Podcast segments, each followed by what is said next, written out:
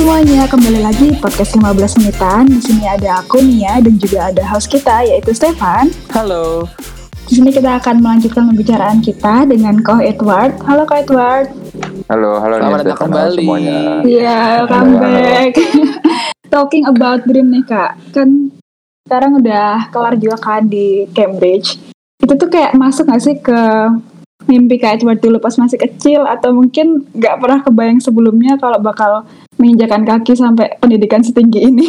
Sebenarnya sih, oh satu belum kelar sih masih masih ada perjalanan PhD-nya. Jadi kayak baru mulai PhD sebenarnya. Terus kayak eh, soal mimpi ya, sebenarnya tuh habis kelas satu saya tuh ah, agak males S3 gitu loh. Kayak pikir-pikir ah mau kerja aja. S3 ntar aja lah gitu kan kapan-kapan atau mungkin enggak. Bahkan saya diskusi sama profesor saya dulu kayak kamu kalau mau S3 jangan cuma ngerjain karena misalkan papa mama kamu pengen kamu punya gelar tinggi atau karena ada ekspektasi masyarakat kamu sekolah terus lakukan sesuatu karena memang kamu benar-benar yakin dan pengen. S3 itu terutama kamu bakal 3-4 tahun ngerjain hal yang sama itu itu aja harus benar-benar suka gitu kan. Jadi pikir waduh serem amat. Yaudah kerja aja lah. Takut takut jangan jangan jangan dulu S3 eh ternyata setelah kerja kayak kebetulan saya dulu kerja di bidang data science kemudian interaksinya juga banyak dengan orang-orang researcher kan. Eh semakin saya ngajain saya semakin nemuin banyak hal yang saya belum mengerti dan benar-benar pengen banget mendalami gitu karena udah kelihatan eh, banyak hal yang kita develop bahkan simple machine learning application pun itu bisa membantu klien-klien kita di bidang industri. Nah, sampai satu saat saya menemukan kadang saya ada ada bottleneck itu. Jadi kalau ilmunya saya nggak ngerti, tapi saya tahu kalau saya bisa ngerti itu, saya bisa pakai itu bisa sangat membantu. Cuma saya nggak punya kapasitas aja untuk ngerti waktu itu. Jadi saya pikir oke lah kalau gitu siap nih matang gue siap gue pengen S3 deh di bidang ini udah ngeliat aplikasi industrinya gue siap untuk terjun fokus di bidang ini Hmm, terus kok sekarang bisa sampai ke Cambridge itu ceritanya kayak gimana ya? Itu kayak kayak impian banyak orang kan untuk bisa studi di Cambridge salah satu universitas terbaik di dunia yang menghasilkan juga ilmuwan-ilmuwan terkenal sepanjang sejarahnya. Kok itu ceritanya sampai gimana sih kok bisa sampai ke Cambridge gitu? iya iya sebenarnya sampai Cambridge lumayan perjuangan sih. Kelihatan mungkin dari luar kayak perjalanannya lancar-lancar aja. Tapi sebenarnya di balik layar itu kayak apa ya? Satu hal yang saya dulu agak susah tuh kan oh, kalau S3 kita harus dapat funding gitu kan. Dan mm, ya nggak sanggup bayar sendiri. Jadi funding. Nah fundingnya saya karena posisi saya apa ya istilahnya? Saya dulu kerja. Jadi mungkin background saya eh, agak sedikit beda dengan beasiswa-beasiswa tipikal yang mereka cari gitu kan saya lebih praktikal. Nah jadi kayak beasiswa standar yang orang biasa apply eh itu saya coba juga. Saya coba beasiswa macam-macam. Saya apply semua gagal gitu kan. Ditolak semua. Akhirnya saya mulai pikir gimana caranya nih? Kalau beasiswa ditolak eh, tapi saya tetap pengen sekolah. Jadi ya saya mulai ini. Pertama pas saya datang saya jadi master dulu sama profesor saya. Terus karena profesor saya lumayan senang dengan kinerja saya akhirnya saya kerja sama dia sebagai research assistant jadi kayak digaji sebagai research assistant tapi sebagai gantinya berbeda dengan beasiswa kalau beasiswa kan dikasih udah gitu. Kalau research assistant saya kerja sama profesor saya sama ada satu company terus kayak saya bantuin analisa data mereka dan kasih eh, hasil analisa di samping studi saya gitu untuk membantu membiayai. Kemudian akhirnya setelah masternya kelar oh selama master pun saya juga ini kan karena saya tahu saya udah ditolak beasiswa jadi saya mencoba mencoba pergi ke networking event berusaha coba kenal dengan company-company besar MNC jadi kan banyak banget company suka datang ke Cambridge kasih talk atau analisa lain-lain. Kayak saya ingat tuh saya udah sampein berapa ke company nggak tahu deh. Macem-macem setiap kali datang modusnya awalnya nanya pertanyaan tentang conference terus pelan-pelan saya giring dengan pertanyaan mereka punya funding untuk PhD atau enggak? gitu. Apa ya saya udah tanya company kayak Singapore Airlines, AstraZeneca itu semua saya samperin tanyain ada nggak funding S3 gitu kan. Selain itu yang coba saya lakukan saya juga ikut kompetisi data science yang ada di sini sih. Kayak waktu itu saya ikut satu kompetisi data science eh, dari perusahaan asuransi namanya Aviva. Itu kayak perusahaan asuransi tergede di UK. Kemudian ya udah eh, kebetulan eh, syukur kita menang kompetisinya eh, salah satu juaranya terus jadi saya dapat kesempatan ngobrol dengan kayak chief data science-nya mereka terus orang-orang penting di sana dan dari situ saya menemukan oh ternyata mereka lagi ini juga mereka lagi berusaha ngembangin beasiswa apa ya eh, PhD project mereka mau ngebayarin anak PhD di Cambridge secara tidak langsung gitu kan. Oh dari situ ketemu salah satu peluangnya. Walaupun akhirnya sih berhasil dapat funding dari mereka karena melalui profesor saya juga sih. Karena ternyata profesor saya juga sudah ada conversation dengan mereka dan pas banget gitu. Mereka mencari orang, saya kerja profesor saya, kemudian saya menang uh, kompetisinya. Akhirnya kita pikir oh ya udahlah.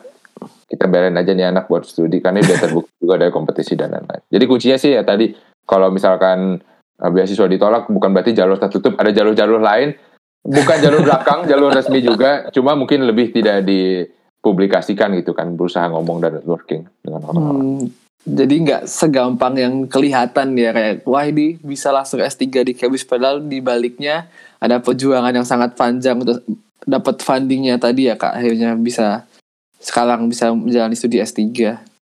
Nah, setelah kak, kayaknya udah kepikiran belum sih setelah S3 selesai apa sih yang kayak udah kepingin lakuin aja setelahnya ap, ada nggak sih kayak mimpi yang masih kayak ingin kayak dua kepingin raih atau mungkin ada nggak sih keinginan yang kepingin dilakukan untuk Indonesia gitu? Iya, iya. Kalau saya sih sebenarnya tertarik dengan ini ya. Kalau teman-teman ada yang nonton startup sih. saya tuh tim Han Ji Pyong. tim tim Han Ji Pyong. Mohon maaf yang tim 6 dosan. Cuma kayak uh, saya tuh pengen apa ya? Saya pengen kembali ke Indonesia, kembali ke Southeast Asia, kemudian mungkin uh, membantu mentor teman-teman atau bukan mencari teman-teman bahkan untuk bekerja sama untuk apa ya mengaplikasikan uh, bidang AI ini sebagai suatu produk yang bisa langsung dipakai masyarakat gitu kan. Salah satu hal yang saya laku, lakukan di sini di samping S3 itu saya part time kerja dengan uh, eh, VC venture capital namanya Creator Fund. Jadi yang kita lakukan itu kita nganalisa company-company yang keluar dari UK dari universitas yang banyak yang bergerak di bidang AI spesialisasi saya.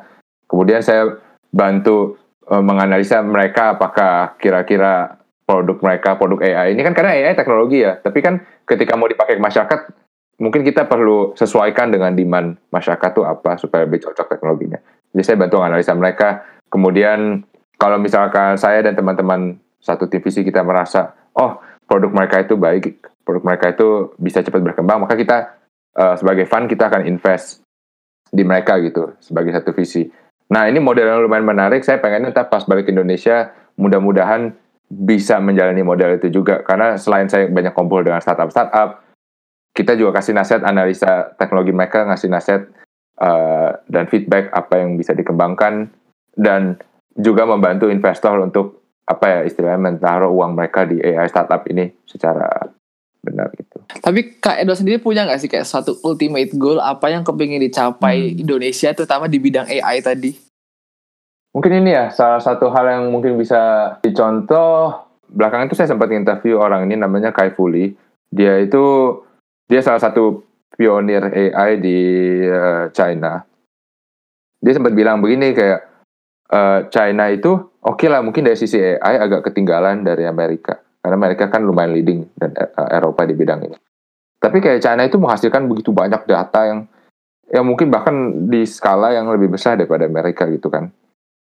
Nah, jadi mereka bilang uh, visinya dia itu untuk China adalah uh, oke okay, kita perlu researcher-researcher atau orang-orang industri yang bisa mengembangkan teknologi AI yang bisa langsung dipakai di masyarakat itu. Nggak usah yang terlalu teoretikal. Yang teoretikal bagus, tapi itu mungkin datang belakangan kita mulai dengan apa yang bisa diaplikasikan dulu gitu kan. Sehingga belakangan kalau kita lihat kayak AI di China itu lumayan berkembang dengan cepat karena banyak aplikasinya gitu. Nah saya juga pengen menjadi apa istilahnya? Kalau bisa menjadi kaifulinya Indonesia suatu saat kayak balik kemudian membantu apa yang mengembangkan AI untuk praktikal aja gitu. Karena sekarang banyak aplikasi AI itu udah bisa langsung yang praktikal aja langsung dipakai. Nanti ya yang lebih teori oke okay lah belakangan itu bisa kita kembangkan tapi yang lebih praktikal langsung apa yang bisa membantu. Sehingga dengan begitu caranya kan lebih banyak talenta-talenta orang yang mengerti AI itu apa dari Indonesia yang bisa mengembangkan aplikasi aplikasi AI yang khusus uh, di kita buat Indonesia dengan budaya kita, dengan kebutuhan kita masing-masing. Nanti pelan-pelan jauhnya kemudian yang pengen saya harapkan sih lebih banyak setelah banyak praktisionernya pelan-pelan kita bisa juga secara waktu yang bersamaan mengembangkan ilmu teorinya sehingga lebih banyak orang Indonesia yang bisa berkontribusi di bidang teori di AI juga gitu. Pengennya sih pelan-pelan itu sih. Keren, keren. Aku bikin nanya sesuatu yang agak personal dikit nih, Kak. Kan kita udah tahu pengalamannya kayak dua yang banyak banget ya dari Singapura kemudian kerja di industri kemudian perjuangan sampai ke S3 apa sih kayak hal yang Kak Edward pelajari yang sampai sekarang masih dipegang dan itu benar-benar ngebantu Kak Edward sampai sekarang dan masih berjuang untuk mencapai apa yang Kak Edward pinginin? Apa ya, kalau misalkan ketemu tembok gitu ya satu halangan, jangan langsung menyerah dan kadang ada ada banyak hal yang mungkin secara formal kelihatan oh kayak tadi misalkan beasiswa ditolak. Soalnya jalan sudah habis kan. Kalau kita baca norma-norma standar atau berita-berita artikel standar cara-cara funding satu-satu caranya cuma ya itu doang. Beasiswa misalkan. Udah nggak dapat gimana gitu. Uh, tapi sebenarnya dunia itu nggak binary ya nggak 01 banyak hal lain yang bisa kita lakukan untuk mencapai goal kita. Tentu tetap halal ya jangan melakukan hal-hal yang aneh-aneh gitu kan saya suka dengar kalau orang di industri praktisional orang lapangan sering bilang kayak oh banyak jalur belakang dan lain-lain gitu kan menurut saya konsep jalur belakang itu secara konsep ada benernya, tapi yang saya tidak bilang jalur belakang non halal itu baik, jangan jangan lakukan. Tapi sebenarnya banyak jalan lain menuju Roma gitu. Dan saya selalu percaya itu ketika apa pun hal yang saya lakukan, kalau misalkan jalan norma yang diekspektasi masyarakat saya gagal, saya akan coba cari jalan lain yang tetap halal ya kayak tadi misalkan networking ngomong sama company karena ini kan hal-hal yang tidak biasa tapi mungkin lebih sulit karena jarang apa ya jalan jar, itu adalah jalur-jalur yang less traveled gitu jarang orang yang melakukan hal itu. Tapi bukan berarti nggak bisa dilakuin. Jadi ya yang saya selalu pegang lesson saya itu sih. Kalau bottleneck, jangan menyerah, coba cari jalur lain. Itu kepake juga di bidang research. Kayak banyak model-model matematik yang saya mau coba, eh gagal gitu. Kayaknya performanya kurang baik. Bukan berarti udah stop gitu. Kita harus cari jalur lain untuk menemukan mungkin teknik atau metode lain yang bisa mengatasi uh, batasan yang awal gitu. Uh, mungkin nih satu pertanyaan terakhir dari kita nih kan kita udah ngeliat bagaimana Kak Edward sekarang udah bisa ngasih ngasih informasi soal machine learning soal perjuangannya sampai ke S3 di Cambridge juga ada nggak sih satu pesan yang kepingin disampaikan buat teman-teman pendengar semua yang supaya mereka juga tetap termotivasi dan ingin mengejar supaya mereka bisa mewujudkan mimpi mereka iya iya kalau saya sih kuncinya segala sesuatu diawali dengan melangkah gitu kalau misal kita boleh punya mimpi yang sangat besar, tapi kalau kita tidak pernah melangkah, kita nggak akan ke mana-mana gitu. Contoh kayak Cambridge itu saya dulu pengen gitu kan, pas kecil saya pengen banget. Tapi kayak ini kayak sesuatu yang lumayan jauh. Uh, jadi saya putuskan, oke okay, saya akan melangkah, mengambil satu langkah kecil. Langkah kecil yang saya ambil adalah saya cukup kirim email aja ke profesor saya gitu. Random berbeda nih nggak kenal nih orang siapa gitu kan. Pokoknya saya baca. Cuma saya kirim email, saya bilang, saya tertarik boleh nggak minta waktunya ngobrol gitu kan eh ternyata dia balas gitu itu langkah yang sangat kecil yang akhirnya melit ke berbagai macam hal gitu kan jadi kita nggak usah muluk-muluk plannya itu jalannya seperti apa itu agak susah di forecast sama kayak kayak kalian ya ketika kalian ingin cari guys harus menitan kan ambil satu langkah itu dulu mulai dulu aja approach aja nih orang gitu eh, nah saran saya sama untuk teman-teman pendengar apa pun bidang karir teman-teman cobalah ambil satu langkah itu karena satu langkah itu bisa mengubah segalanya gitu istilahnya ya Ya, yang susah kalau kata bukunya Peter Thiel kan dari 0 ke 1 gitu. Langkah pertama itu yang paling susah. Nanti satu ke berikut-berikutnya natural lah. Benar-benar. Thank you Kak, udah diingetin juga buat melangkah. Jadi buat teman-teman jangan lupa buat setelah dengar podcast ini melangkah juga ke apa pun yang kalian pengen melakukan. tapi sayang banget ya teman-teman kita juga udah harus mengakhiri podcast ini. Tapi kita senang banget buat Kak Edward karena udah mau hadir di sini. Thank you ya Kak. Terima ya, kasih, Kak. very happy for ya, have you dan ya bener-bener kayak Ya, itu pesan dari Kak Edward juga itu adalah episode kita di kali ini. Uh, ini adalah 15 menitan podcast ke mana kita membahas bidang-bidang unik dengan teman-teman yang masih berjuang untuk masa depan mereka dan masa depan Indonesia. Jangan lupa untuk subscribe kita di Apple Podcast, bisa juga di Spotify maupun dengerin kita juga di Anchor. Dan jangan lupa untuk follow Instagram kita di @15menitan. Thank you teman-teman. Bye. Bye bye. See you next week. Bye.